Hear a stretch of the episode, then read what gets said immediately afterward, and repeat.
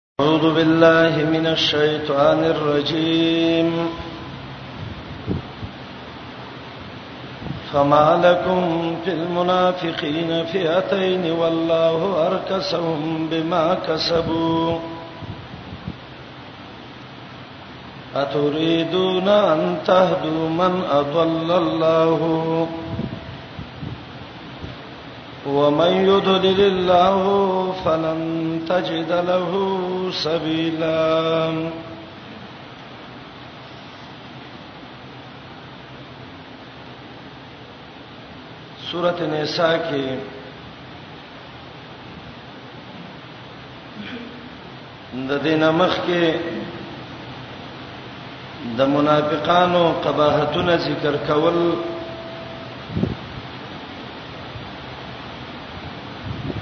تقریبا اته قباحتونه د دې ذکر شویو به امور الخير ذکر کول هغه امور چې دا غي په سبب باندې انسان د منافقت او د بیمانۍ نه بچ کیږي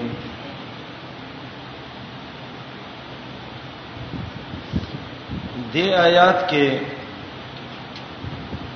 الحکم بالتباعد عن المنافقین الله حکم کوي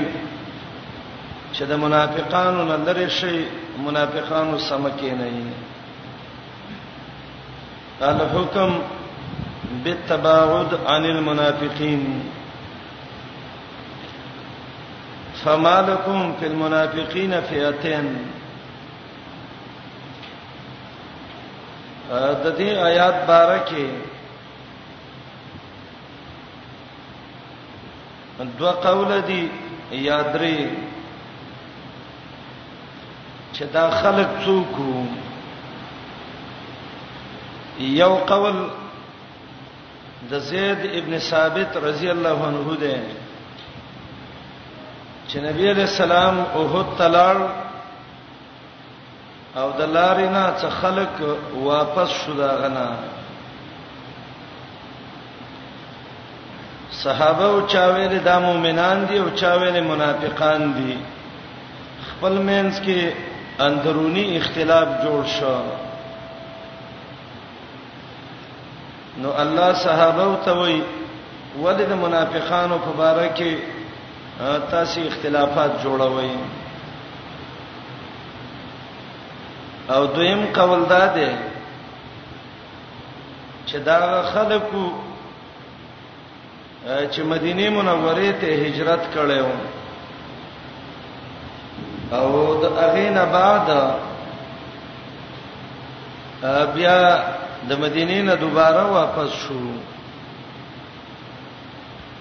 صحابه او کې چاویل منافقان دي او چاویل نه دي یو اندرونی اختلاف جوړ شو دا آیاتونه نازل شو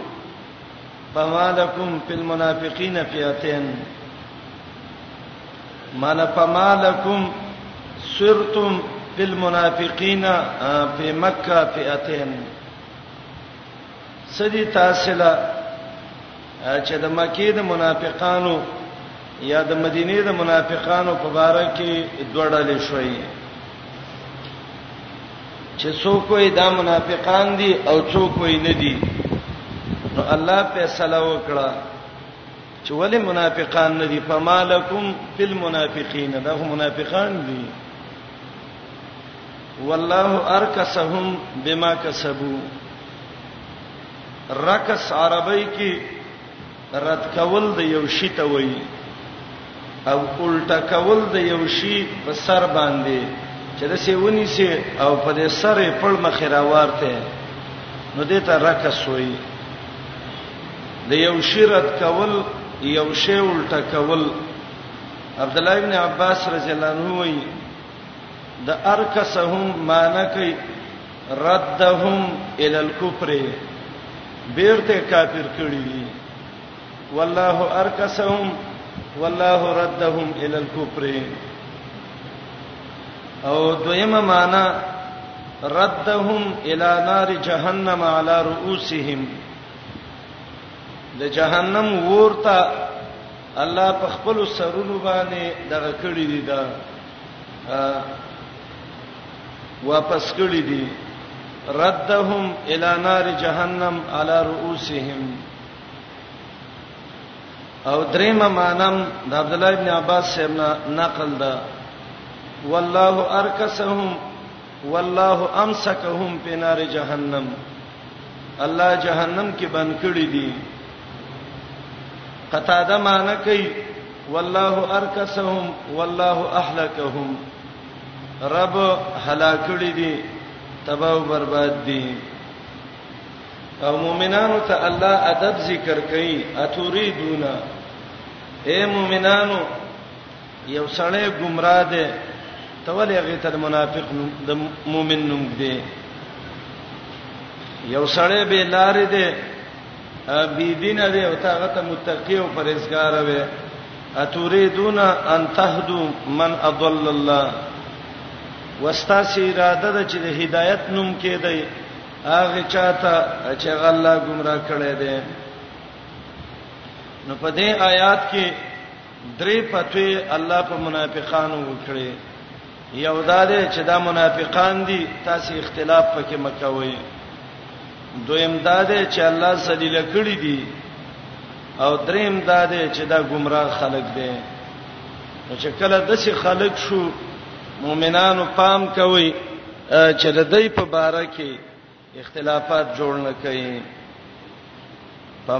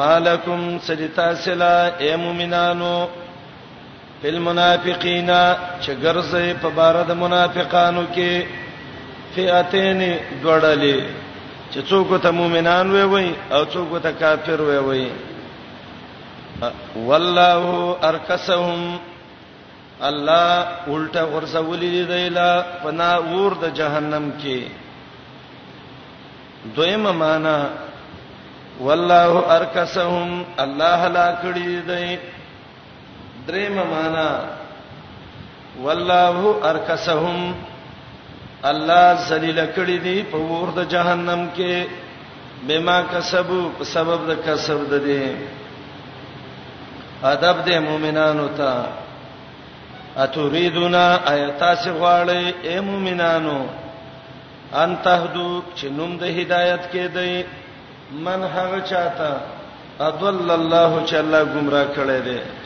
ان تهدو ان تسمو باسم الهدايه چې د هدایت نوم کې دی هغه چاته چې الله گمراه کړي دي یا دویمه معنا اتوریدونا آیات سغواړی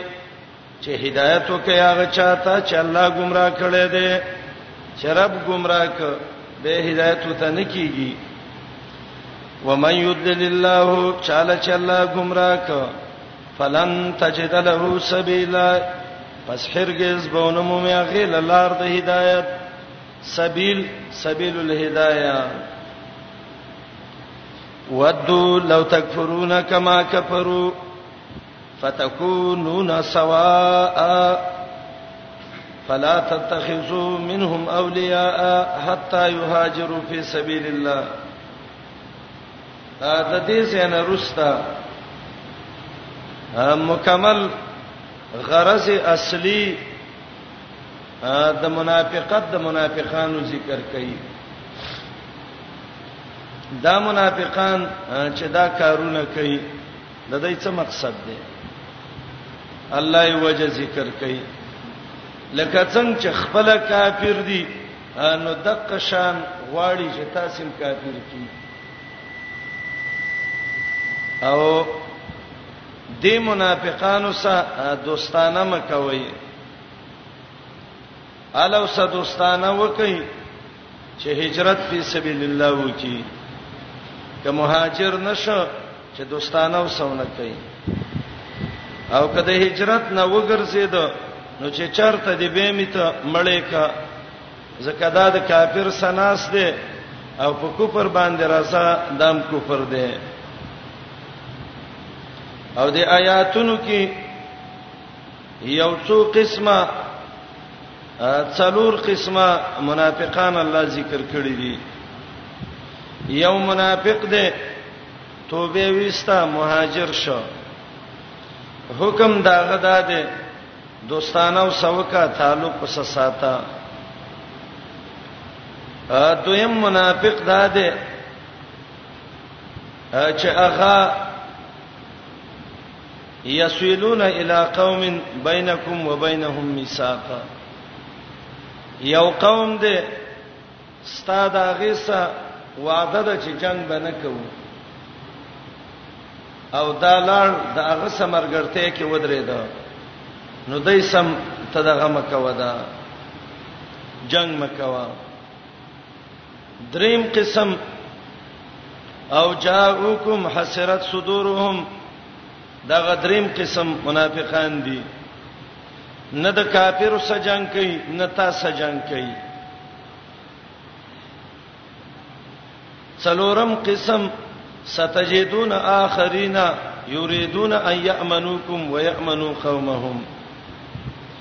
د سیدی چې ستا خپل راشي ځان د نخلاصي وای مؤمنه ما چې قوم خپل لاړ شي ځان ته خلاصي وای زه هم کافر ما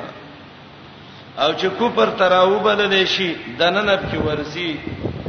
الله وی ویني سي او مړې کوي او د دې سبب دوستانه نه کوي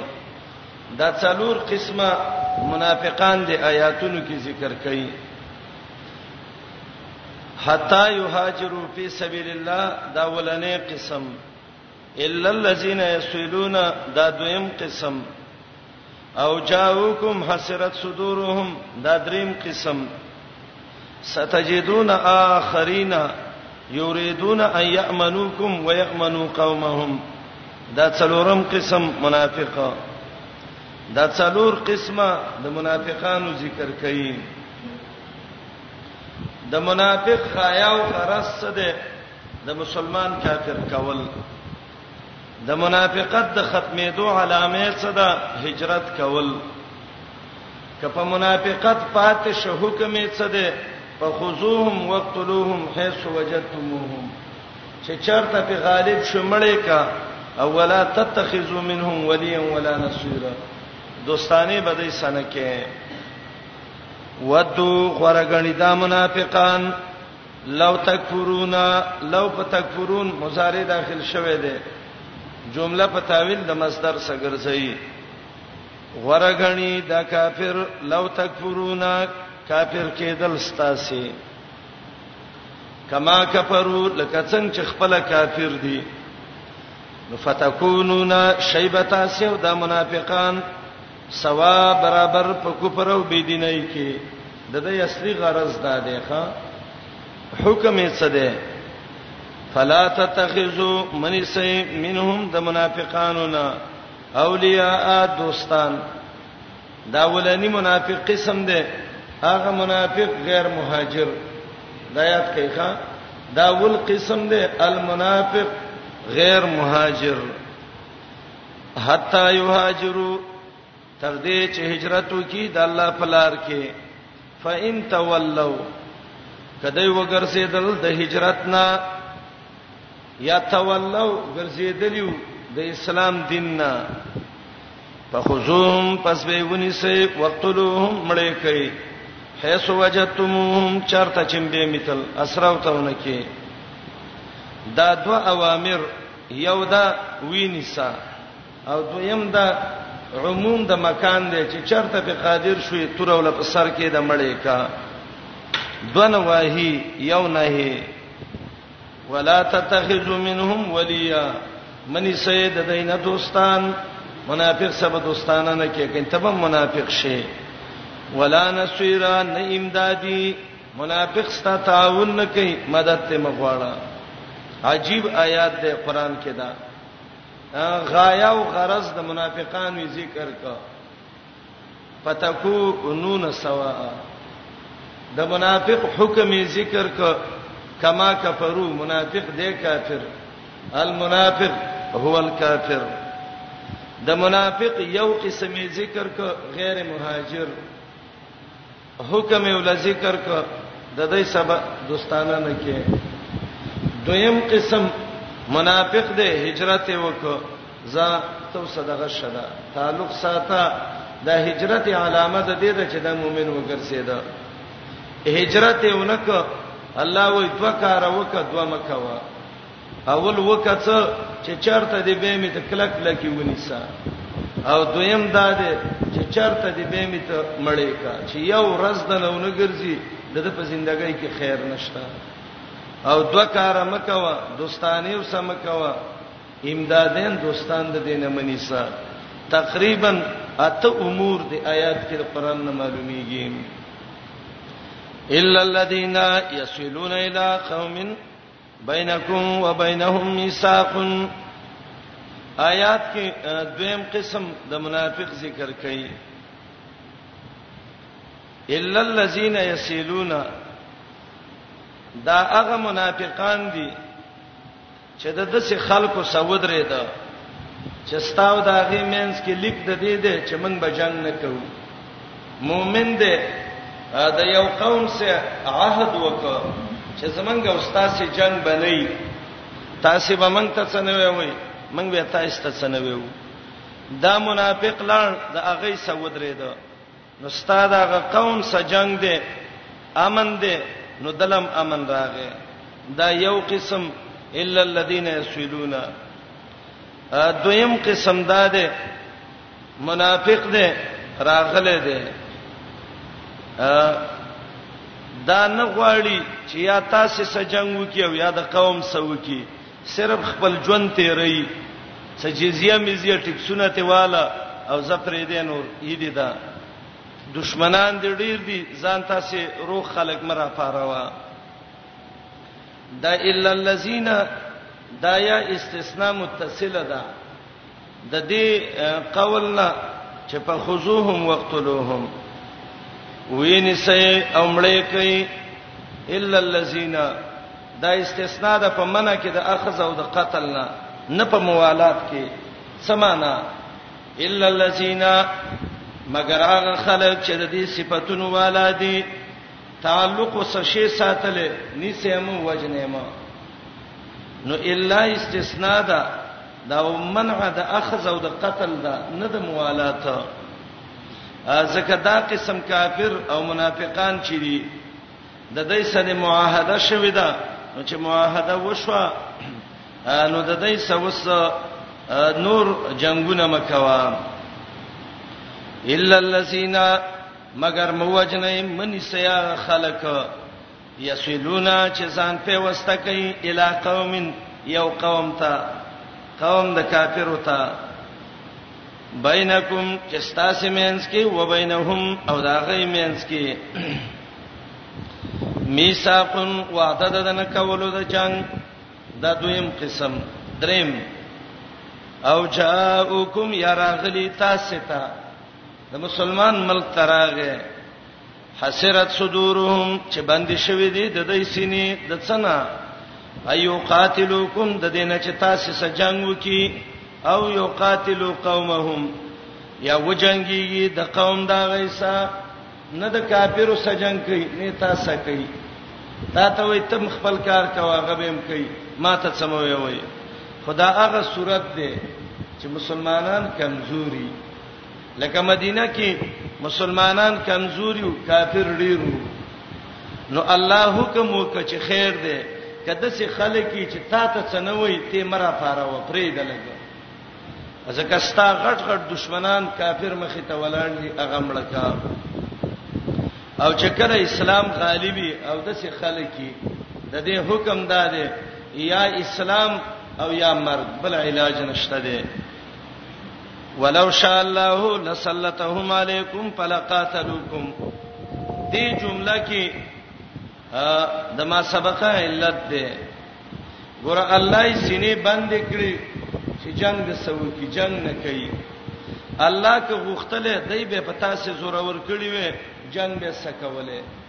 خو رب العالمین د ته مظلوم مغلوب کړ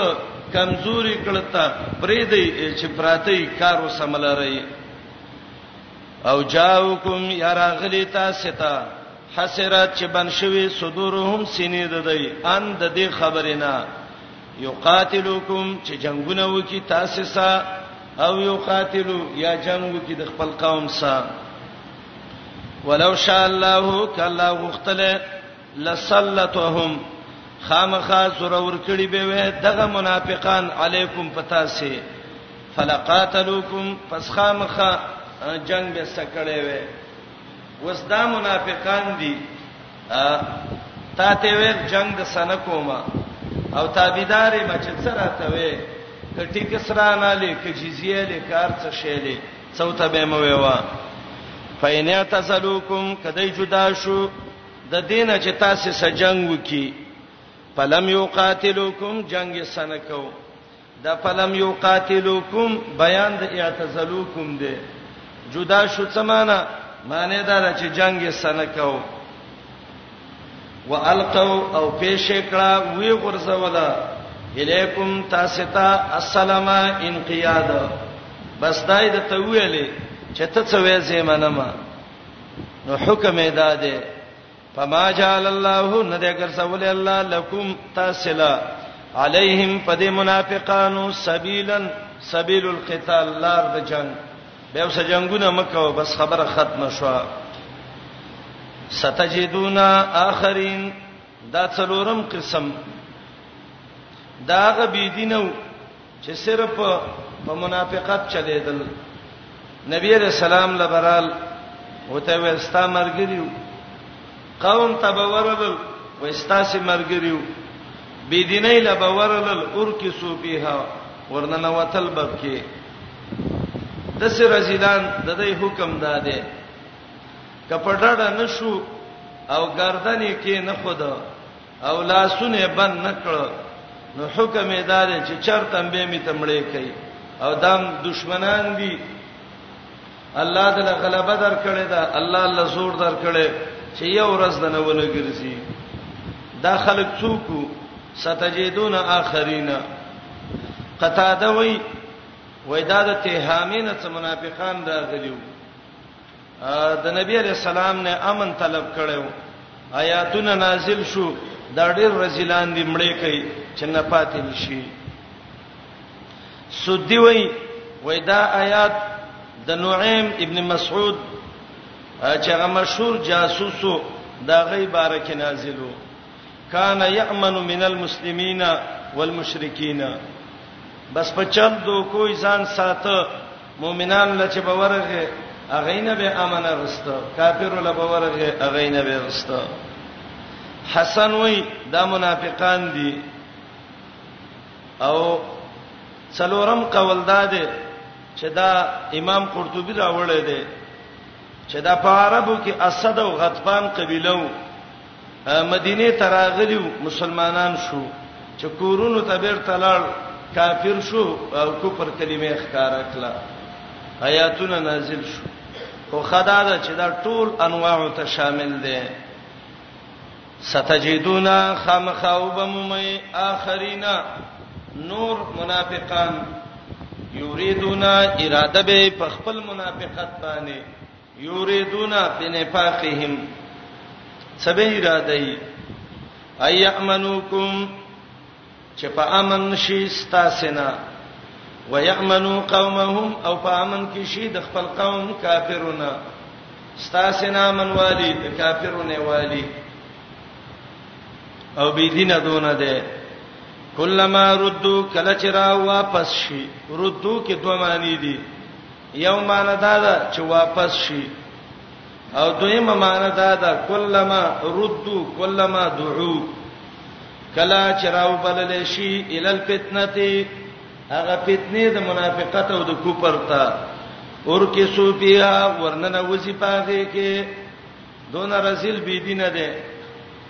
که څوک له دعوت ورکی کوپر ته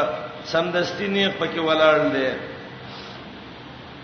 دا څلورم قسم دا سوچا منافقان دي د دې حکم فإلم يعتزلوكم کده ډډونه کړه ستاسینا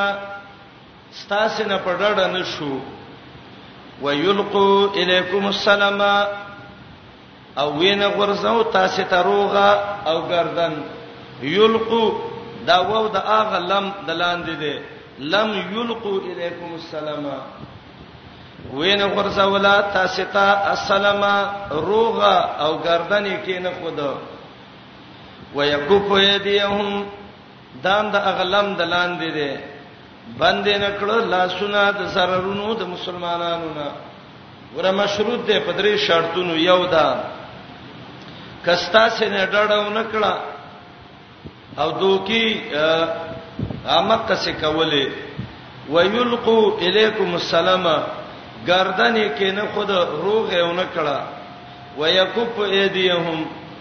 لاسونه بند نکړو د zarar د مسلمانانو نه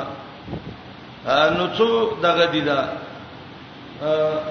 کارونه وکړه درې نو الله درې طریقې سزا ورکړي ګوري یو طریقه فخذوهم پس به ونی سه ټول دویم وقتلوهم مړې کوي او دریم حيث سقبتموهم چرته چمبه میتل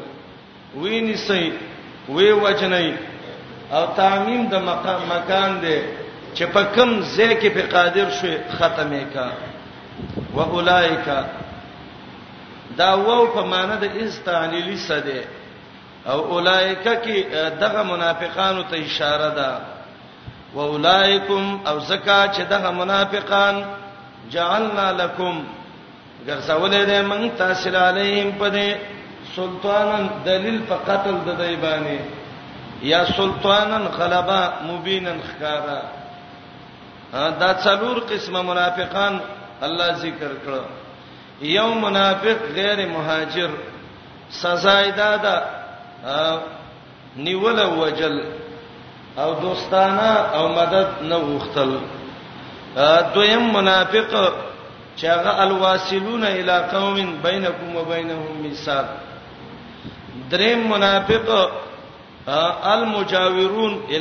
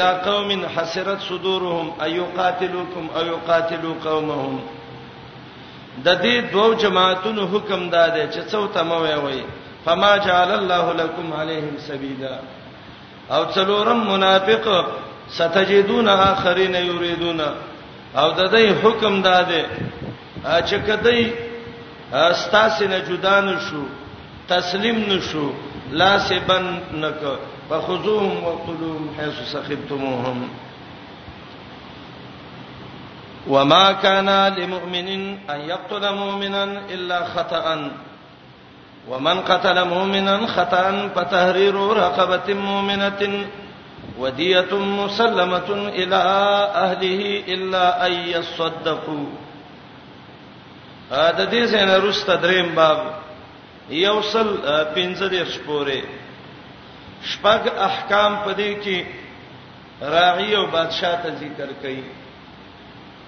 یو داده د مؤمن د مرګ نه ځان وساته آیات 92 کې ا دویم داده تحقیق من اسلم یو سړی مسلمان دی او تحقیق نه کوي او ته وجنه دا آیات څلور نوي کې یا ایه الذین آمنو سرا او به دریم ترغیب ده هجرت ته آیات ونوي کې امیر به قوم هجرت طرف ته دغه کیدا ترغیب کوي قالوا الم تک ارض الله واسعه فتهاجروا فيها او څلورم ده حکم الصلاه فی الجهاد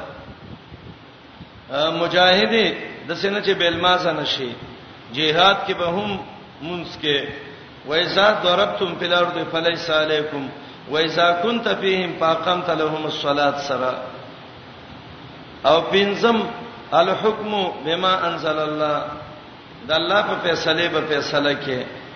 او زجر او تخویب مخالفینو د پیغمبر لا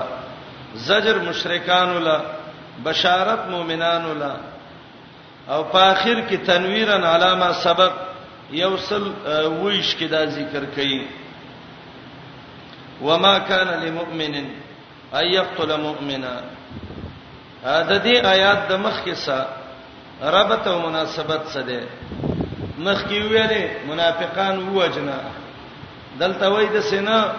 چې چا معمولی خپل خوېږي او ته د غرب وباسي سړی نه دروغ ویل شو او ته وای چې ته منافق یې والله و چې ویني سوي وو سړی دې یو معمولی خدای دې وشو منافق نه دی او ته د منافقانو په جام کې ولې نه د مؤمن د مرګ نه بزان وساتي مخ کې ویلو بقره کې آل عمران بقره کې چې مؤمن چا مړ ک سړی جهنمی دی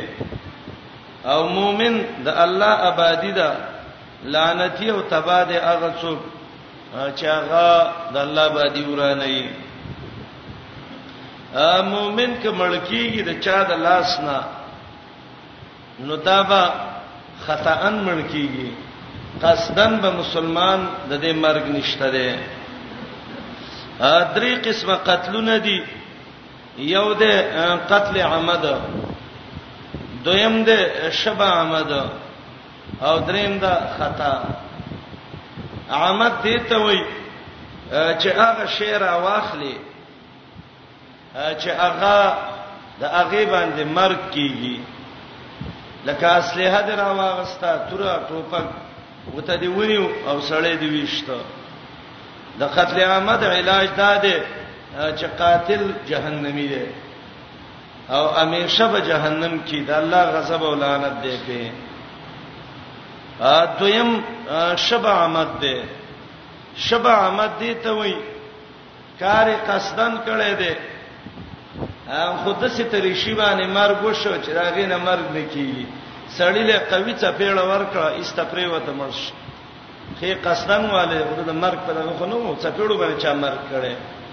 لخت ډانګي باندې گزار په وک هغه مړ شو دته شوا احمد وای دریم قسم ده قتل خطا خطا غ قتل ده د سړی دا خیال دی چې دا ښکار دی اچ ګوري ښکار ته وتله د د دا خیال دی چې هغه د وسی دا ټوپک یو ته ونی وړل شي سړیو ایوا ا سړی دی روان دی د سي ا د گزار په بل شي کوي ناڅاپه دارا مخ کې شو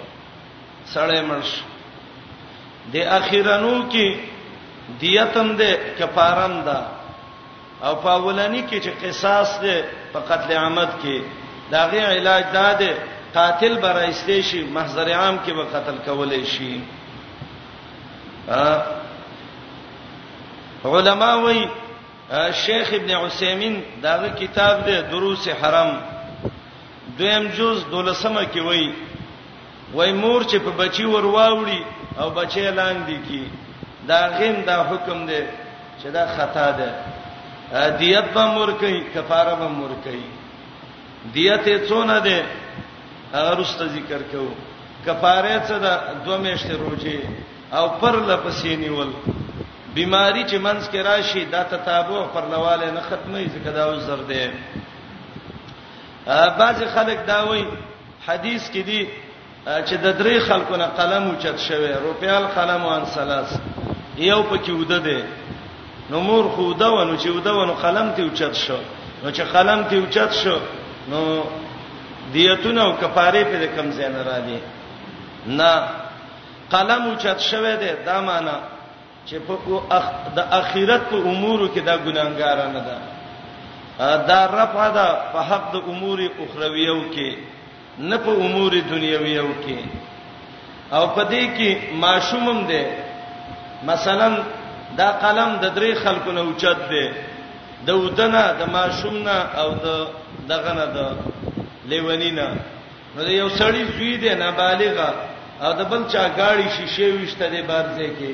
نو پلار به څه وای چې دا مرفوع قلم دی نه تاوان به ور کوي ولا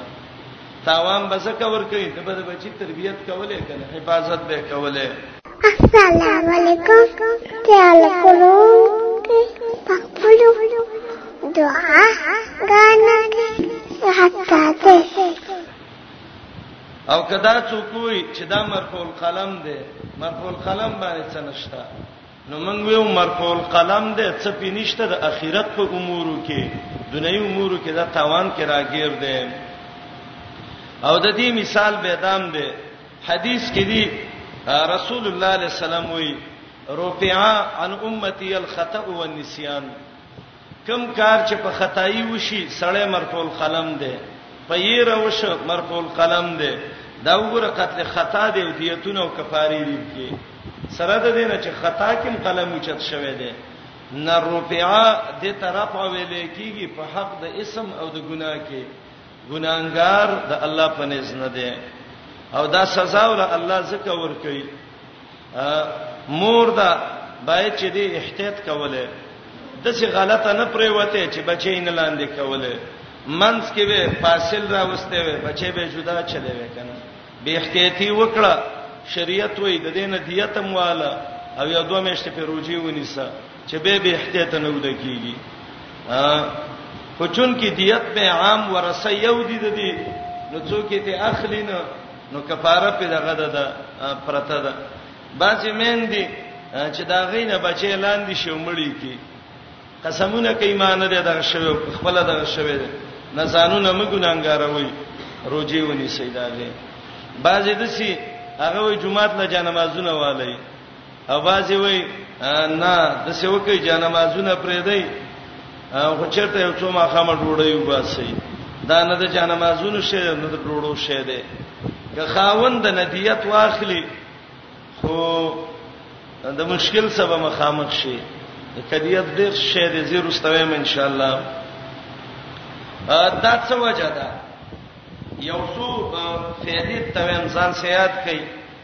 ان شاء الله ډیر زیات خیر به تی واخلای سړی دې خطا انت مړ شوی دی وس رب العالمین وای چې دا دې کفاره ورکی په خطا کې ولی په الله کفاره راوسته اخو قصدن خو غدا کار نه کړي نو علما یو څو وجې ذکر کوي یو وجدا ده لعدم احتیاطه دی احتیاط نه دی کړي به احتیاطي چې څوک وکی هغه به سزا خوري د دې وجنه هغه ډرایور چې هغه گاډي چلای به احتیاطي کوي علما وایي چې 10% د ټریفک د اصول د ډرایورۍ نه خلاف وکړ او سړی یو نو دا قتل عامت دی او کله دینه کم نو دا قتل خطا دی مثلا یو لار ده چې الته تا ته لیکلی چې دې ځکه بس پټ د شپېتهونه برکینه او ته په اویا کې رواني په 50 دغه کې 55 شپېته کې اتیا کې ودی وو دا خطا نه ده د قصدن والي دي شریعت د دې حکم د عامت دی او د دینه نکم دغه شو شپېتی لیکلی او ته 50 کې وسړین نه ولګید ته څولېخ کې ونه ولګېدا به حکم د خطا دی نو یو خدا دی چې به احتیاطي وشي نو الله په حکم دغه کا دویم کله چې دی انسان خطا اند الله یو بنده ملک نو د الله د بندګۍ نه یو بنده ویست نو د الله بندګي شړه پاتې شو نو په د لازم دی چې دا په دې خپل حالت کې دونه بندګي وکي چې داغه غزه خړه کی کنه دریم د یو بندا د ژوندونه ویست مړو ته نو مړې د آزاد کی نو دا د سشل کمړې چې بیرته را ژوندې ک او څلورم هغه دا ده چې بس د الله حکم دی او الله په خپل حکم او اسرار باندې خپويږي دیت به ور کوي په خطا کې دیت څونه ده حدیث عبد الله ابن عمر رضی الله عنه چې امام مالک په الموطا کې ذکر کړی دی چې کم خلک د سرو زرو کار کوي نو هغه به زر دینار ورکړي دا اوسنی د کویت دینارونه نه دی ګور دا کمزوري دینار دي هغه دینارونه هغه ډیر غټ دینارونه دي ډیر قیمت والا دي او کم خلک چې د سپینو کار کوي نو هغه به دول زره درهم ور کوي او دول زر درهم یو درهم د عام د دوبه یو د درهمونه نه دي چې دینه وی شي اته روپۍ جوړیږي تقریبا 15 کال شپږ کال مخکې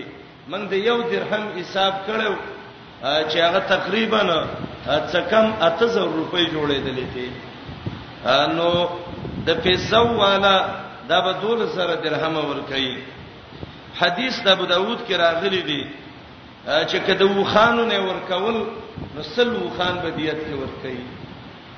او دا د دا د وخ د سل وخانو قیامت ولګوي او به هغه دینارونه او درهمونه وسکي به به تاسو په حساب پوه شئ یو وخت د لاک نه بره دی هم دینه وڅ شي جوړیږي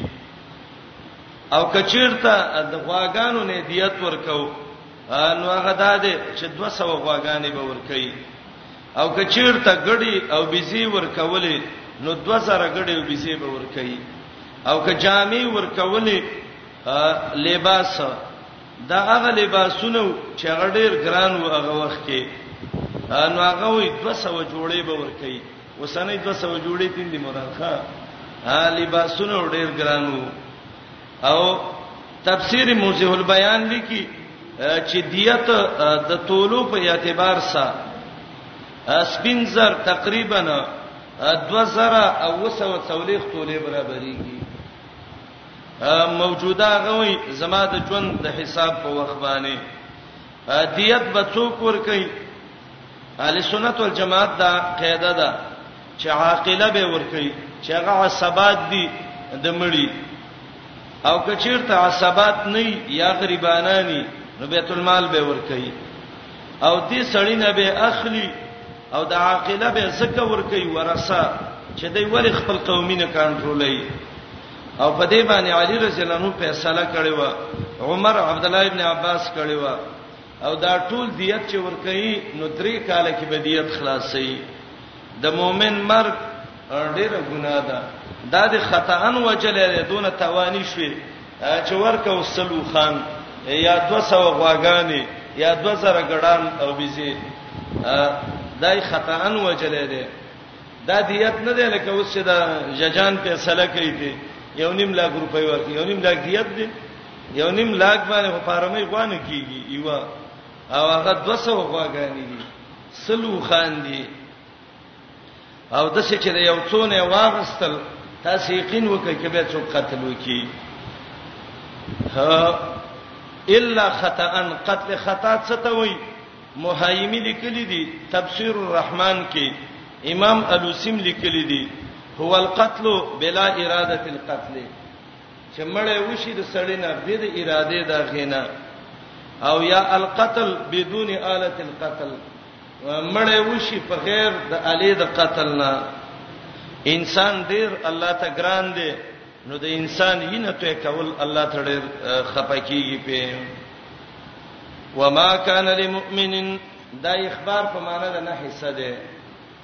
جائز ندی مومن لا یقتل چې ملکی مومنن مومن الا خطا مگر که خطا انت مل شو ومن قتل مومنا چا چې مومن ملک خطان په خطا باندې فتحرير رقبه مؤمنه لازم دی په آزاد ولد یو مرئی مومن ځکه یو بنده د عبادت نه ویسته مری ذات کا چې د الله بندګۍ ته دا وزګار کې ودیت لازم دی دیت مسلمتون روغ جوړ بس پارلې شي الہلی ورسو د دې مړی ته اهلیه نه ورسه د مقتول مراد دی الا ايصدقوا مگر که خیراتو کی ورسه بعفو الدیه چلکه مونږ دیت د تبخله دینې خلو وس یو څو قسمه مړی داغه تفصیل پاین کانا کیدا مړې من قومن د یو دسه قوم نه عدوین لکم چې ستاسو دشمن دی وهو مؤمن چې هغه مؤمنی ا د مؤمن او د کافرو د قوم نه دی او تا نه جنگ کې مړ شو یا خطأن یا نسیانن فتحرير رقبتين پس لازم دی آزادول د یو مرئی مؤمن دلته دیت نشته ولی ورسه کافر دی کافر لسم دیت ورکیته دریم وان کان من قوم کود یو د سی قومنا بینکم چې تاسو مینس کې او دا غي په مینس کې میثاقن مضبوطه وعده ده چې جنگ باندې کوو معاهده یې وسکړه چې موږ تاسو به جنگ نه کوو استنه داغه نه یو سړی مړ شو بیا فدیتون لازم دي دی اتور کول مسلم روح جوړ سپارل شوی الہلی ورسو دا غیتا وتحریر رقبه لازم دي آزاد ول د یو مری چې هغه به مؤمنی مؤمن مری ذات کا مری نشته د سبقای فمن لم یجد چا چونو مونته مری فصيام شهرين لازم دی په روزي نیول دوه میاشتې متتابعين پر لپسې او ما مخ کې ویل چې بیماری او حیض دا مانع د تتابع نه دی اتفاقا توبه من الله ابو بکر جساس او امام قرطبي وایي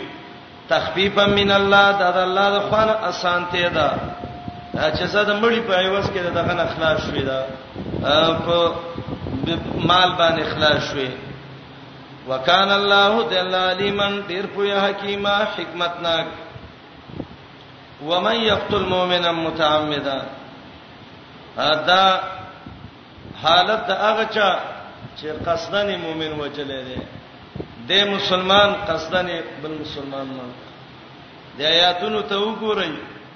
سزاګانو ته وګورئ یو سړی د جهنمی په جزاو جهنم دویم خالدن فیها مشب جهنم کی دریم غضب الله علیه څلورم لعنه پنځم وعد له عذاب عظیما پنځه طریقې الله ول سزا ور کوي مؤمنه وجلې تعجب ده هغه لیډرانو لا او هغه مجاهدینو لا چې په تنظیمی جنگونو کې ون خلی او یو بل مړ کی او دا په سونو مړی وکی او دا ویني توی کی هغه مؤمن ده دا مؤمن ده ټوپک راواله ته یو ول او دا بل ولي دې آیاتونو ته به سوچ کول غواړي نبی علیہ السلام وی من اعان علی قتل مسلم مؤمن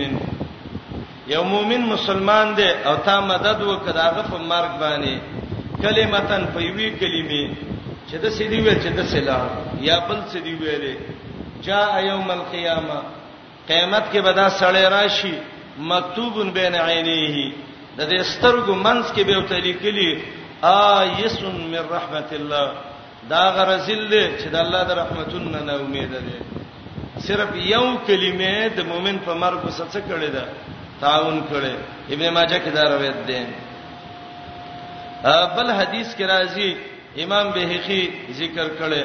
لزوال الدنيا احون على الله من قتل رجل مؤمن کدا دنیا ټوله ختميږي الله په دون نه خپکیږي لکه د یو مؤمن په مرچ الله څونه خپکیږي عبد الله ابن عباس پتون دا و چې د قاتل دغه بنه کې توبه بنه قبله چې مسلمان چا وجلې دي کتوبې استلې توبه قبل ولې نشته دي الله دې موږ د مسلمان د قتلونو نه وساتي معاملې ډېره خراب شوې ده ورونو سړی خوخ نه هغه مؤمن دی دا مؤمن دی معمولی څه شی باندې اختلاف دی ولې مړه دون څه کې دون ځان ته خلق نه پرې داس داس مسلمان ولي هغه تنظیمونه چې دا ظلمونه شروع کړل او په باسي علاقو کې د سیمړی وکړو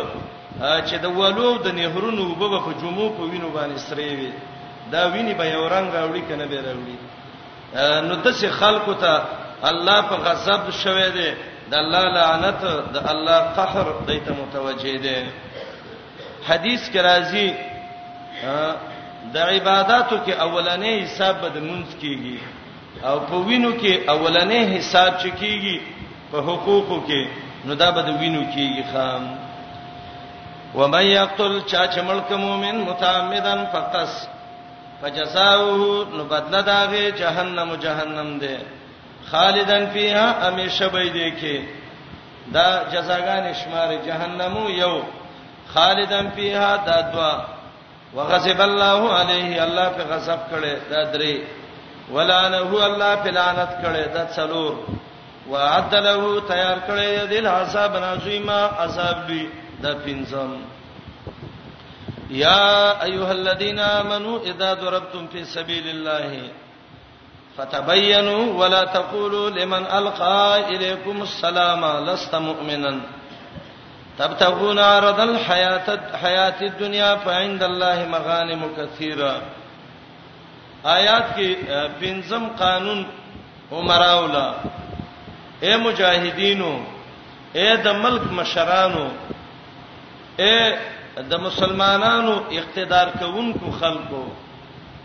تفتیش کوي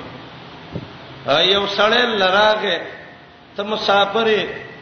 د جهاد په سفر روانه یو سړی باندې ټوپه کوچت ک هغه ته وی لا اله الا الله محمد رسول الله بس سړی مړنه کی ورڅو ته ونه وی یاد ته وی ول زه مؤمنم ایمان می راوړ او گردن می خیره ماته سموي وا الله وی ته څه کې د دنیا د سامانونو د ټوپکو د دې لپاره وجنه الله به نور غنیمتونه درکې او مؤمنانو ته وای مؤمنانو د دین مخ کې تاسو هم د سی وای الله د باندې احسان وکړ نو چې وسته ته چا د څه خبره کوله تفتیش کوي صحابي دی اسامه ابن زید رضی الله عنه او دا صحابي دی چې دې ته به حب رسول الله ویلې دا محمد رسول الله انډیوال دوسو جهاد ته تلې دې تورې راوچته کړه جنگ کې یو سړی باندې اسړیو ته وی اشهد الله اله الا الله واشهد ان محمدن عبده ورسوله د بیم سړی وو سړی ملک نبی رسول الله لراغه او ته ویل یا رسول الله د څه قصه وشو نبی رسول الله ته ولې دا ملک به وای دا خو د ییر نه ویلې و سرشته کلمه خو نه ویل جناب محمد رسول الله صلی الله علیه وسلم ته وی هل شققت قلبا دا زړه به دی ولشلولې وې چې دای د یری نه ویلې و او کدای د رضا نه ویلې و یا تا ول زړه شلولې و چې دا دی ول معلوم کړیو او نبی رسول الله صلی الله علیه وسلم او ته ویلې اسامه چې قیامت کې د لا اله الا الله کلمه را روانه ته به د دې سڅکه چې هغه وای چې ما کلمه ویلې و او تا د پاسه وجلې و اسامه رضی الله عنه جړل جړل او دون خپشه اخر کې ویلې ارمان دې کزه کافر وې او نن مسلمان شوی څونه خبره او چې دا ګناه زمانه شوی نه وي ا دویم صحابي دې محلم بن جسامه عامر ابن الاسبط په نوم یو بل سړی وجل او دقه سي چې هغه په تور او چته کړي و هغه کلمه ویلې و او دا ویلې دای دې یری دا کلمه ویلې هلا شققت قلبا ډیره باریکه مسله ده ورونو نن چې سړی خلکو ته وګوري د حالاتو ته وګوري او د قران د آیاتونو ته وګوري د مسلمان مرګ چاته د پارمی چرګوټه نه ښکارا کی خدای ډېر لوی ګناه ده بعض علما و چې مخلد به وي دا یو جدا مسله ده چې مرتکب د کبیره دا به مخلد په ناری او کله به نو د اهل سنت او جماعت عقیده دا ده چې مرتکب د کبیره دا د الله مشیت تسپارل شوی دی کله رب خوښ شي الله به بخنه او توکي او خوښ نه شي الله به عذاب ورکي او هغه د خالدن معنی کوي په مکث طویل باندې چې ډیر وخت به کې تیری یا خالدن دا د هغه چا باره کې وای چې هغه د قتل د مؤمن څخه کوي حلال غني او زمون خپل تحقیق او معلومات ان شاء الله غدې تر رسیدلې ده چې کبیره هغه ګناهونه چې داغه په سزا کې الله خلود ویلې ده بس هغه مورانه والله ویلې همیشه به بالکل به همیشه او نور کبیره ويغفر ما دون ذلك لمن يشاء یا ایها الذین آمنو ید ایمان والاو اذا ضربتم کله چې سفر کوئ په لار د پزمکه کې ضرب په معنی سفر سره طالبا ورونو دا معنیونه کې چې ضرب زدان ته وای او معنی ځا ضربتم چې زمکه کې خلق وای نه دا والو مثلا سفر دی او سفر ته ضرب وای ځکه دا په دې خپو دا سړی زمکه وای او دا زمکه قطه کوي فتبینوا تفتیش کوي او سبیل الله نه جهاد مراد ده ولا تقولوا موي وي لمن اغچاتا القا چې غرزولې دي الیکم تاستا السلام گردن چغوی امنت بالله یا وی انا مسلم دسیو ته مو ویوا چې لست مؤمنات مؤمننی صاحب د لوباب ذکر کوي ابن عادل دمشقي وای کې یو يهودي دی جنگ کې راونیو او هغه ته ویل چې زه مسلم یم نو پرې دې به پدې نو ځکه هغه خپل يهودیت ته اسلام وایي اله به پریدي چې هغه ته وای زه په هغه دین مسلمان یم چې کوم دین محمد رسول الله راوړی دی تبتغونا آیات سلټوي عرض الحیات الدنیا سامانونه د دې ژوند دنیوي او دنیا راغسته سړې وجنې نه فعند الله مغانم کثیره د الله سړي غنیمتونه دي زله په بل ځای کې غنیمت درکې مسلمان مواجنه کذالک کنتم دا بل علت دا شان وای من قبل د دینه مخ کې لکه څنګه چې نن دا کافر دی تم په خوا د سی کافر وې فمن الله علیکم پس احسان کړي الله پتا سي او مسلمانان کړي وای اسلام کې مضبوط کړي وای پتبینوا واستفتش کوي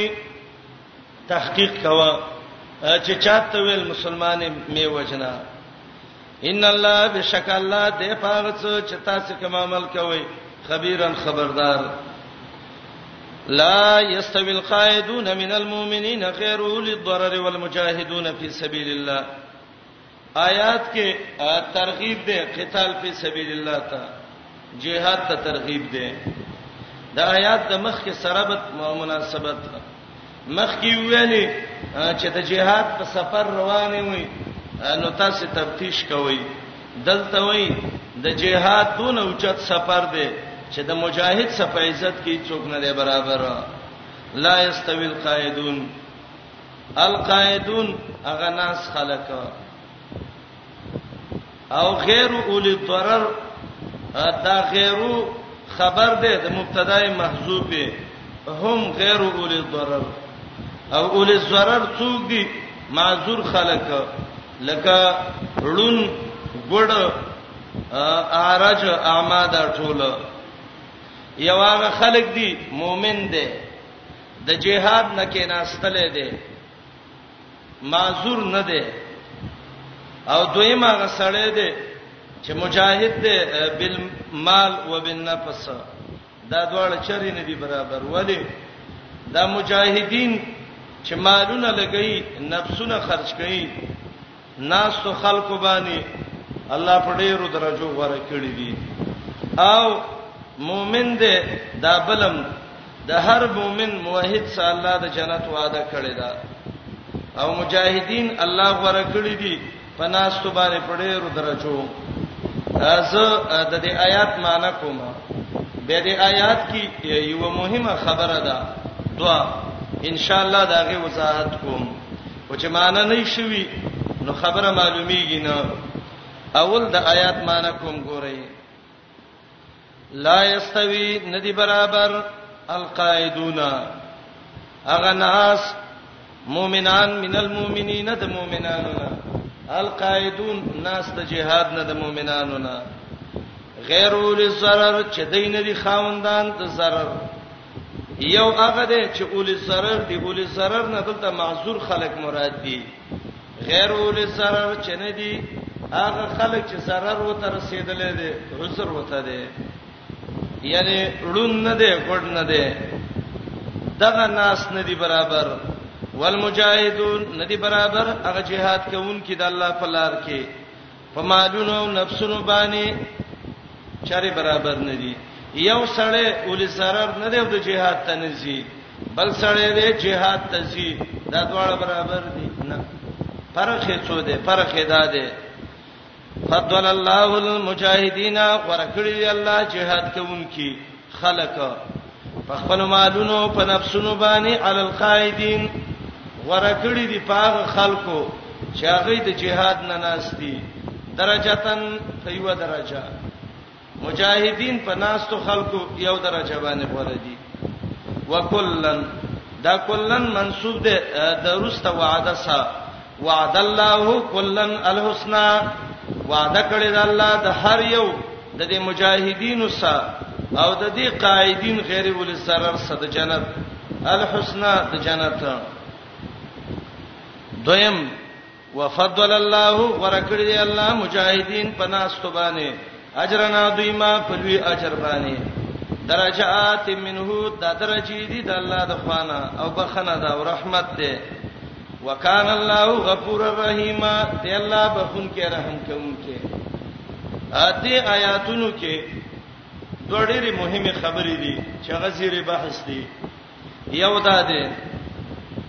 چې رب دا جمله بیره مات کړه اول وګورئ فضل الله المجاهدین ورپسې به وایي فضل الله المجاهدین دې تکرار کې څه پیدا ده نو یو پیدا خدا ده چې غرض پکې ډېر تاکید دی او غرض پکې فضیلت د مجاهدینو دی مجاهد دون اوچته درجه لري چې الله بیا بیا وای مجاهد غره دی مجاهد غره دی ا دویم دا دی هغه خلک چې د جهاد نه ناشتي دا دوه قسمه خلک دي یو هغه خلک دي چې دا غي عذر دي دویم هغه خلک دي چې هغه به عذر کې ناستلي دي نو دا دوسل الله ویلې چې هغه معذورین باندې او غیر معذورین قائدین باندې په دې دواړو باندې الله مجاهدین غوړه کړی دي نو تکرار وکړه د دې وجنه اول مجاهد غره دی په هغه چا چې داغه عذر دی او د جهاد نه ناس سره د عذر نه پاتې شوی دی نو مجاهد دی غره دی او بل هغه سړی چې به عذر پاتې شوی دی نو هم مجاهد دی غره دی دا یو خبره وا دویمه خبره هغه دا ده دی آیات ته لګورئ هغه خلک چې جهاد کوي په مالونو په نفسونو الله پناست غره کړی دي درجتن زم صحیح که کنه کته وګورئ یو درجه باندې الله مجاهد غره کړی دی د اول جملې نه معلومیږي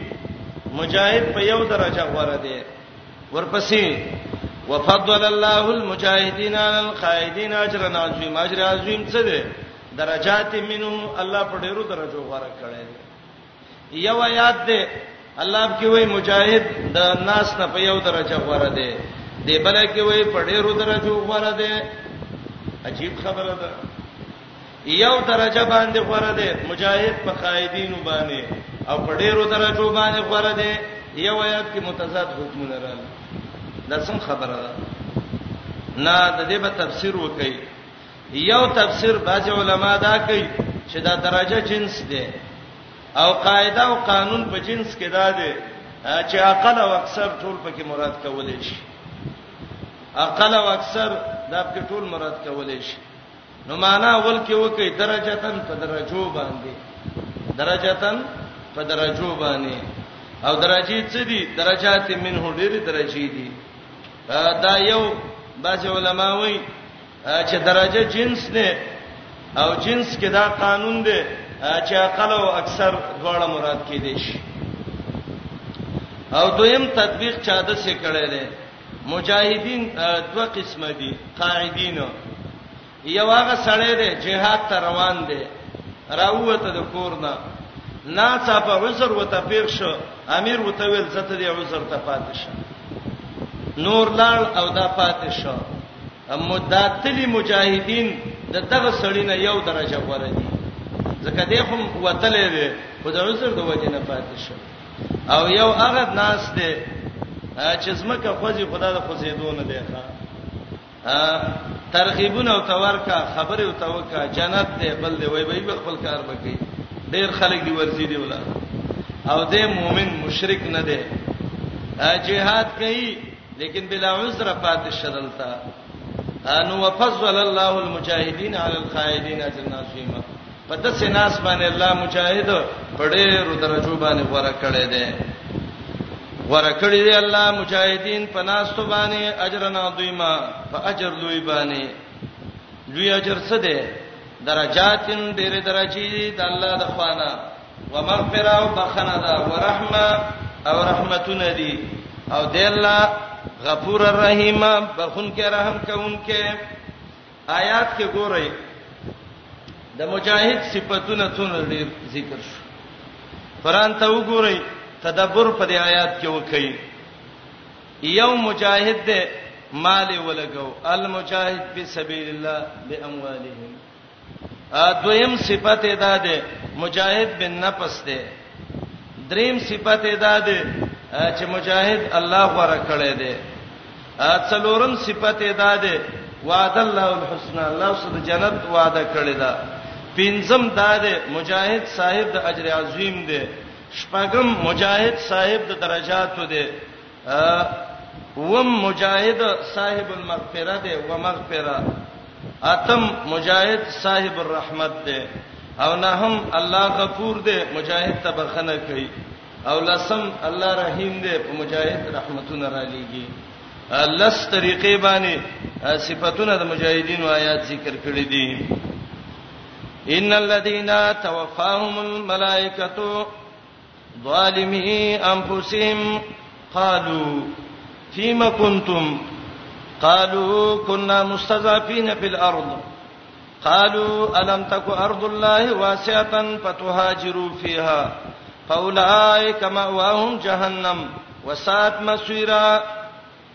دې آیات کې تخویب ده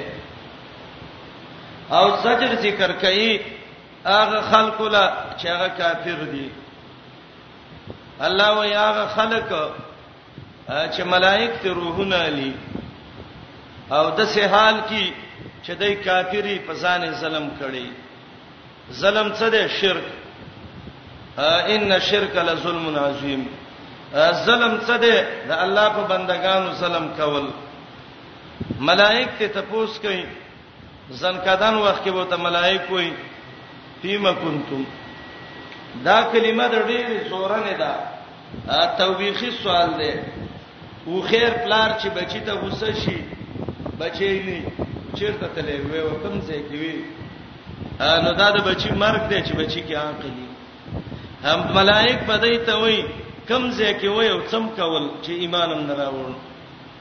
نو دای به جواب وکي یاره کمزوري اوسمکه کې بس خلق زور ورو منګ ایمان نشراوړل. ادا شپږم قانون ملائک به ته وای تاسو کمزوري وای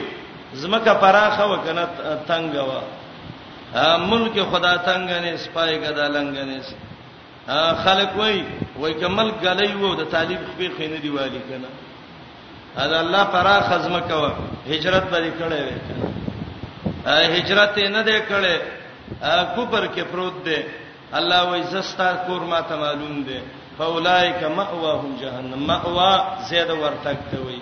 سړی څه شي لورځي کور لا زستا کور جهنم کې دی ا دې آیات ته وګورئ الله وای توفاهم الملائکه ملائکه روحونه علی سورته انعام وګورئ یو شپه آیات د سورته انعام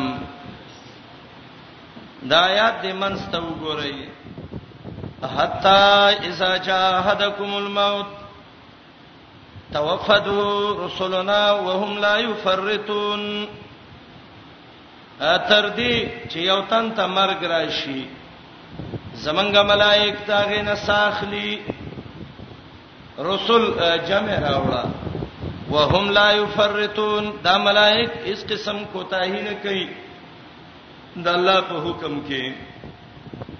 ا دې دوو سوراتونو کې دا ده چې د مړی نه سا اخلي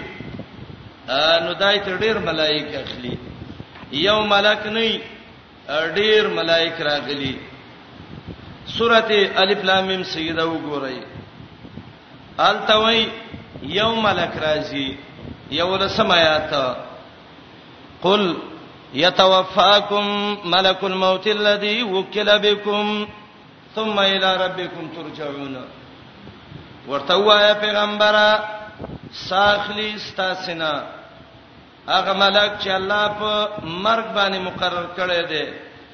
بیا به الله ته ورځي دې دوو سوراتونو کې دادی چې د مسلمان نه روح اخلي او د کافر نه نو دا ډیر ملائک راځي الف لام میم سیدا کې دي دا یو ملک راځي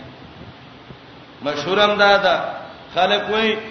وای دا راغی ملک الموت راغلی دی ملک الموت قران کې دا شته دی چې دا ملک الموت دی هغه ملک چې الله په مرګ مقرر کړی دی خدا چې د دې عزرائیل نوم دی لکه دا باز خلک وایي عزرائیل علی السلام راځي صحیح حدیث کې چیرته دا نوم نه دی ذکر چې ملک الموت د عزرائیل نوم دی صرف د سوپینو څخه کلام کې شته دی بعضی علما هم څه کلماتو کې شته دي لیکن صحیح سند څخه قران او حدیث کې دا نه دی ویلي چې د ملک الموت عزرائیل نوم دی الله دونه وی ملک الموت سا اخلي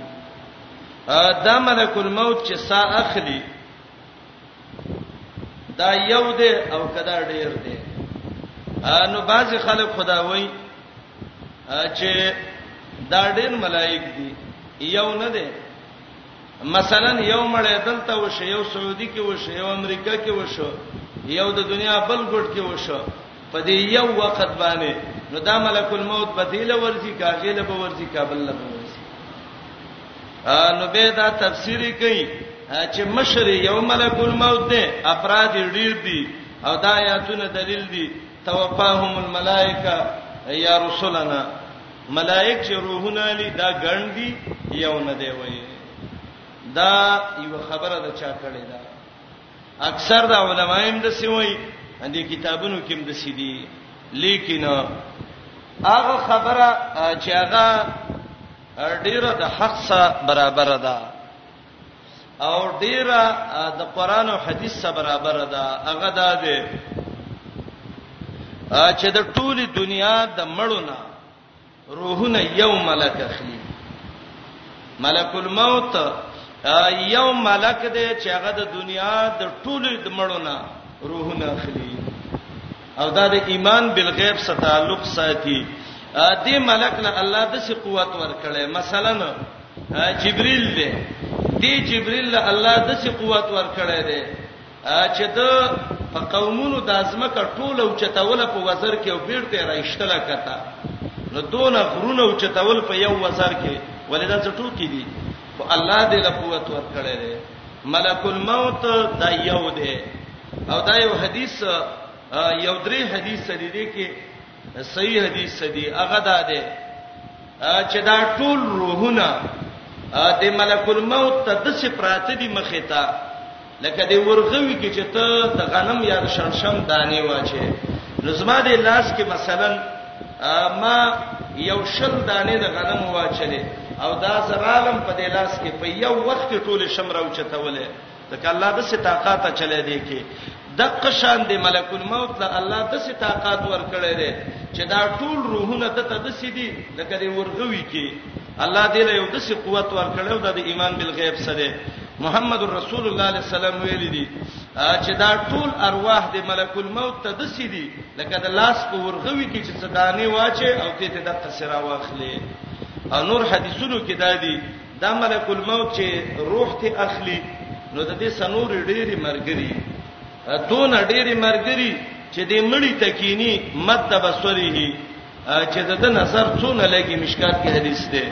او به تر وړاندې شي ملک الموت دا غنه روح والی نو دا دوه قول شو یو دار چې روحونه لري دا ډیر ملائک دي او دویم قول چې دا حدیثو سره ډیر موافق دی چې دا یو ملک الموت څه شي نه روحونه لري او دل الله دا قدرت ورکړی دی چې د ټوله دنیا کې ټول روحونه چې هر وخت کې تڅونه راخلی نشي راغستله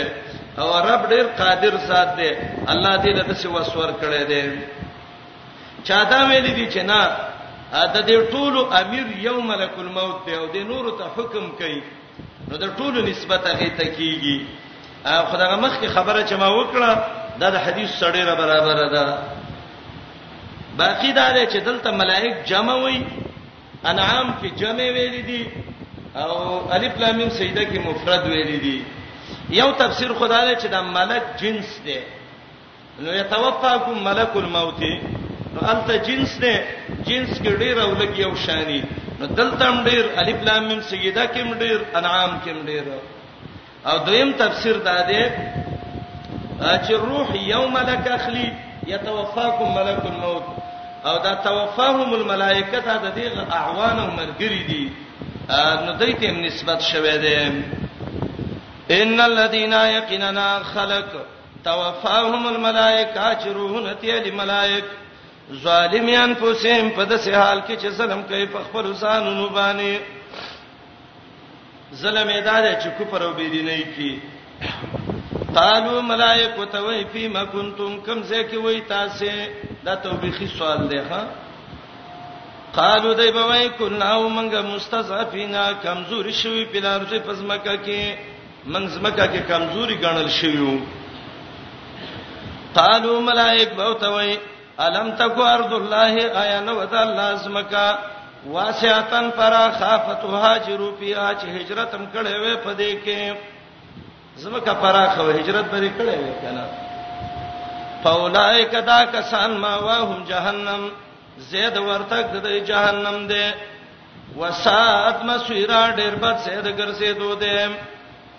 ډېر د ګرځېدو بد ځای دی ښا الله درې خلق مستثنا کوي د هجرت نه الا المستضعفين مگر هغه کمزوري من الرجال د سړونه بوډا دې سپینګیره دې تلینش ونساء د زنانونا زنانه دي لار وتند معلومه یا بډای ګانی دي ول ولدان واړ واړ ما شومان بچي هغه ماشومان به چې لا یستطيعون چې هغه وس نه لري هیله تن د تدبیر د هجرت هیله چل د هجرت ولا يهتدون ندو ته معلومه سبیلا لار د هجرت لا يهتدون سبیلا د هجرت لار متند معلومه فاولائک پس دا کسان صلی الله قریب دی الله ایعفوانهم چې معافي وکړي دینا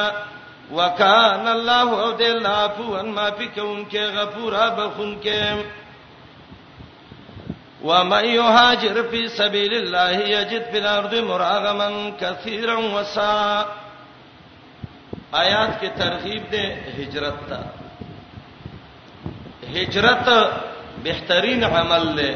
مخکې ویلې هجرت یې نه دی کړی جهنمی دی دلته وایي هجرت دی وک جنتی الهجره سبب دخول الجنه وعدم الهجره سبب دخول النار دای مناسبت ده مهاجر حجر خپل معنی ده پر خودل غرمې ته عربی کې الحاجره وای د دې وجه نه وته وای چې خلکو کارونه پریخي کورونو ته دي یو چا چې د بل سوران شي هغه ته هجران وای ځکه دای پرې خود لاړ ته خبره ترې وسپرې خو دې هغه سړی چې خپل ملک پرې خود د الله د پاره مهاجر، هغه ښځه چې خپل ملک یې د الله لپاره پرېښود، مهاجره، هاجره، دا عام لفظونه دي د لغت لحاظ سره، لغوي معنی ده مهاجر، پرېښودونکی. او دا مهاجر نبی علیه السلام وایي دا هغه چا ته وایي، من هجر الخطایا والذنوب، چې ګناهونه پریخي دي او د ګناهونو د وجه نه خپل ملک هم پرې خود ابن عربي وای هجرت څه ته وای السير في الارض چې تزمکه کې زی وای دې ته څنوم وای هجرت وته وای او بیا غوي وای پزمکه کې تګ دا دوه قسمه ده یو علی سبیل الحرب دی چې ته وتختی تیخته وکي او دویم علی سبیل الطلب دی چې ته طلب کې نو کوم هجرت چې هغه علی سبیل الحرب په طریقې د تختیدلو باندې د شپږ قسمه دی غوي یو دا دی هجرت د دار کفر نه دار اسلام ته دا یو قسم د هجرت دی او دویم هجرت دی د دار کفر نه دار امن ته د کافرو دوه ملک دي خو یو کې امن دی یو کې نشته دی نو هجرت من دار الكفر الی دار الامن دا دویم قسم دریم قسم یوه علاقه کې بدعات شروع دي بله علاقه کې نشته دی الهجره من دار البدعه الی دار السنه دا دریم قسم او څلورم قسم یو کلی کې ګناهونه کیږي بل کلی کې نیکان خلق دي الهجره من دار المعصيه الى دار الاطاعه او پنځم قسم الهجره من الارض التي غلب فيها الحرام یو ځمکه کې حرام خورګي ډیره شروع شوې ده او تا غپرې دی او ته تلال شي دې تم هجرت وای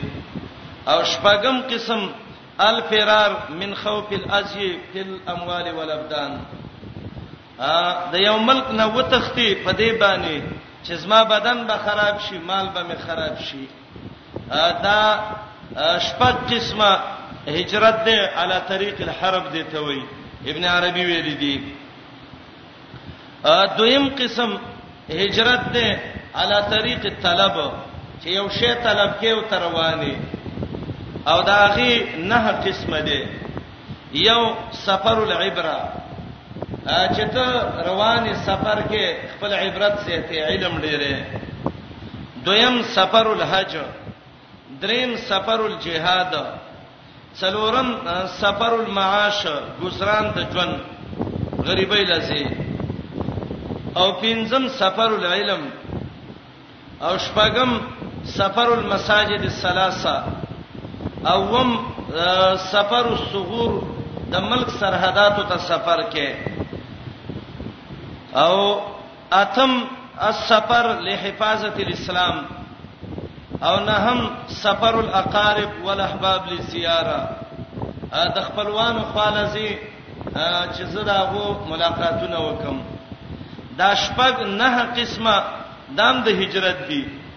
خدا لا طریق طلبی نو دیته یو شیب کې طلب کولی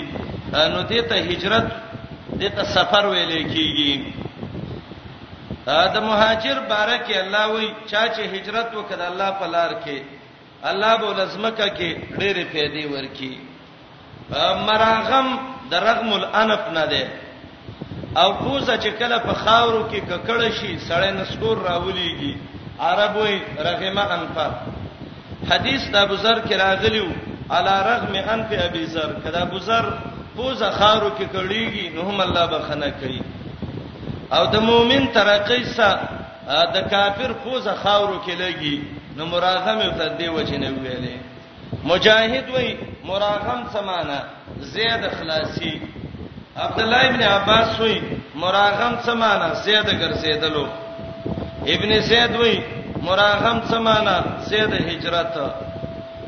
سودی هغه وای مراغم څه معنی خسته ژوندۍ چا چې هجرت وکړ الله به له خیسته زندگی ورکی وساعه الله به له پراخیم ورکی مالدار بشي عبد الله ابن عباس رضی الله عنه وی سعیدا دا الله به رزق پراخه کی معلومیږي دا چې هجرت سمالداری راځي قطاده وی پراخی دا دا چې من الضلاله ال الهدى مخکې بی دینو الله به عالم جوړ کی ومن العيل الى الغنا مخک غریب وس به الله مالدار کی امام مالک وای سا پر اخواله څه دی وای پر اخواله دا دی الله به رزق ولړیر کی بچی به ولړیر کی یقینا تجربه سم معلومه شوه ده چې هجرت صدرې شي نړیریږي دینداری ډیریږي الحمدلله مال ډیریږي الحمدلله بچی ډیریږي الحمدلله دا سعا پراخواله ده ومن یخرج من بیته مهاجرا الی الله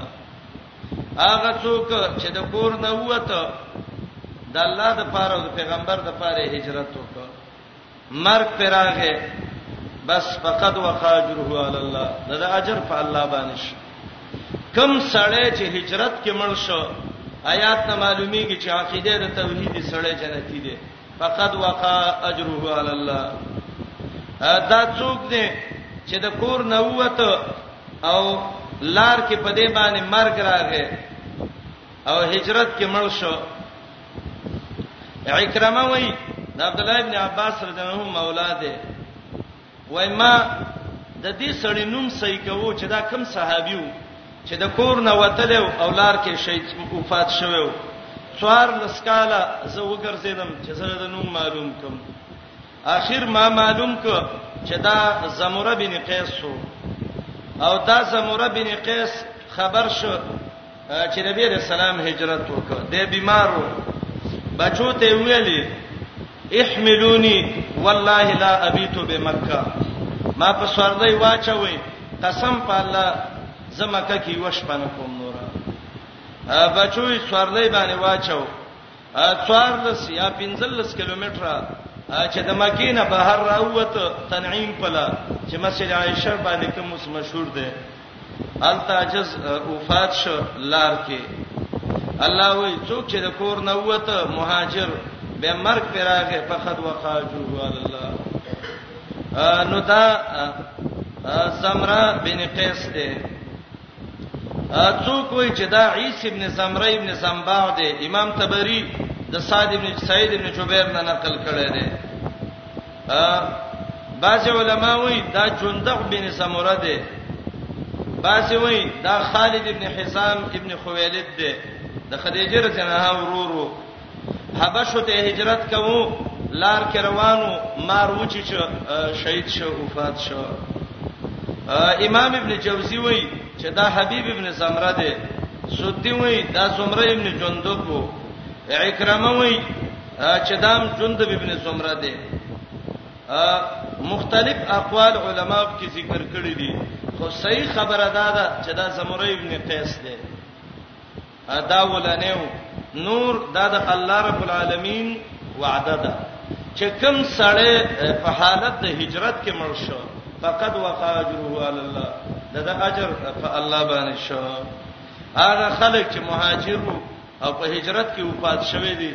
یا وسم دی او مرګ ول راځي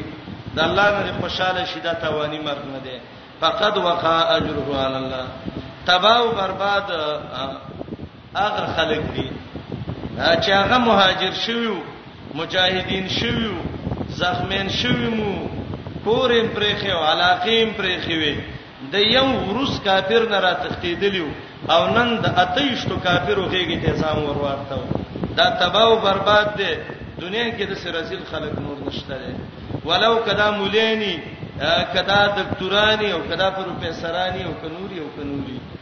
خو دا دوی تاوانین خلک دي د قران د اصطلاح نه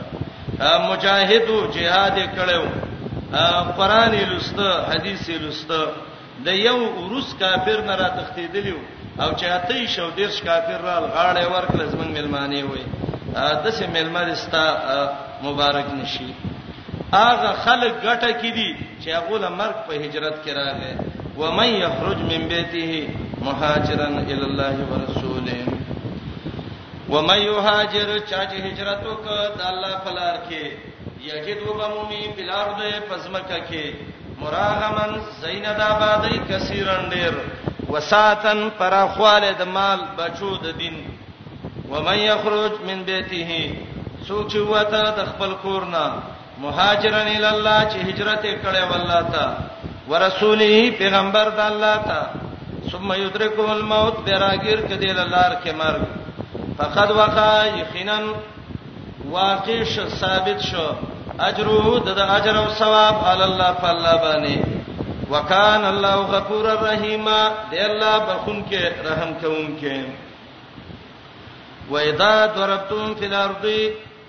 فلیس علیکم جناح ان تقصروا من الصلاه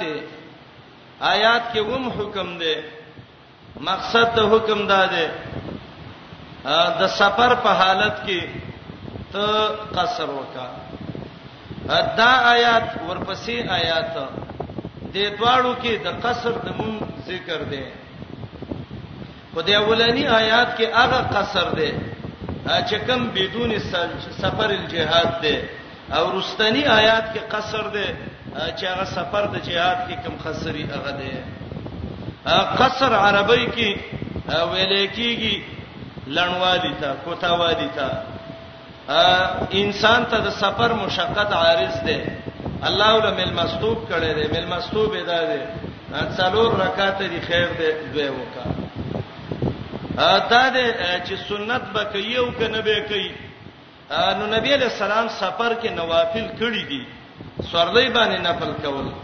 لیکن سنت به حیث سنت چې زبدا سنت کوم امام نسائی بعد ذکر کړي چې ترک تطوع فی السفر سفر کې سنت نه کول دا سنت دی عبد الله ابن عمر چاوته ویل سنت نه کې سفر کې هغه ته ویلې کما دا کوله ما به فرض مونږ پورا کړې وې دا خو ما باندې د الله احسان دی الله یو خاص اجازه مال را کړې ده او نور سفر کې فارغي د سنت نه عام نوافل دي کوي محمد رسول الله ډیر نوافل کړي سفر باندې روان دي سورلې باندې نفل کوي اهتمام د دې عمل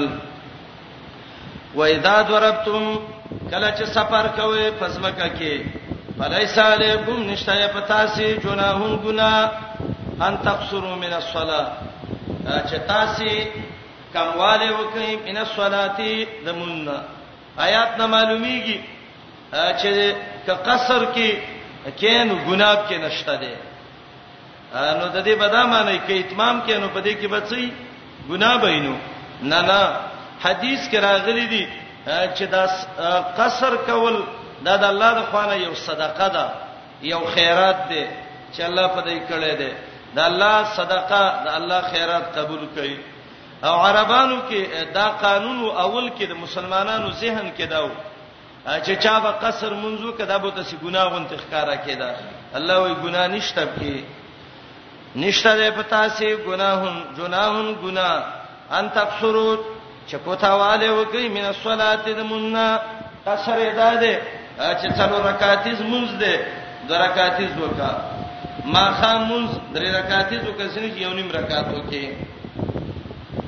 ان خفتم کیره دی ایفتنکم الذین کفروا چې حمله به وکي په تاسو باندې کافر یفتنه په معنا د حمله سره دویمه معنا ایفتنکم الذین کفروا چې تکلیف به ورسي تاسو ته کافر د کافر د تکلیف نه یریږي قصر وکا ان الکافرین یقینا کافر کانو دی لکم تاسلا عدوان دشمنان مبینن خکارا دا قصر چې قران ذکر کړی دی ورپسې آیات کې چې الله ذکر کوي چې ته په جهاد د سفر کې نو د خلکو لمونځ وکا یو ډاله د تاسو ودرېږي اصله دی والی یو ډاله د لاړ شي کافر سره ودرېږي چې رکوع پوره شو مونږ وشه یو رکعت دایره کافر خاله ورشي هغه دراشي د دې باره کې یو څو خبرې یادې کړي د جمهور علماو قول دا دی چې مراد د قصر نه قصر د په عادت د رکعاتو کې رکعاتونه کم کړي او به دې کې دوه قول دي یو قول دا دی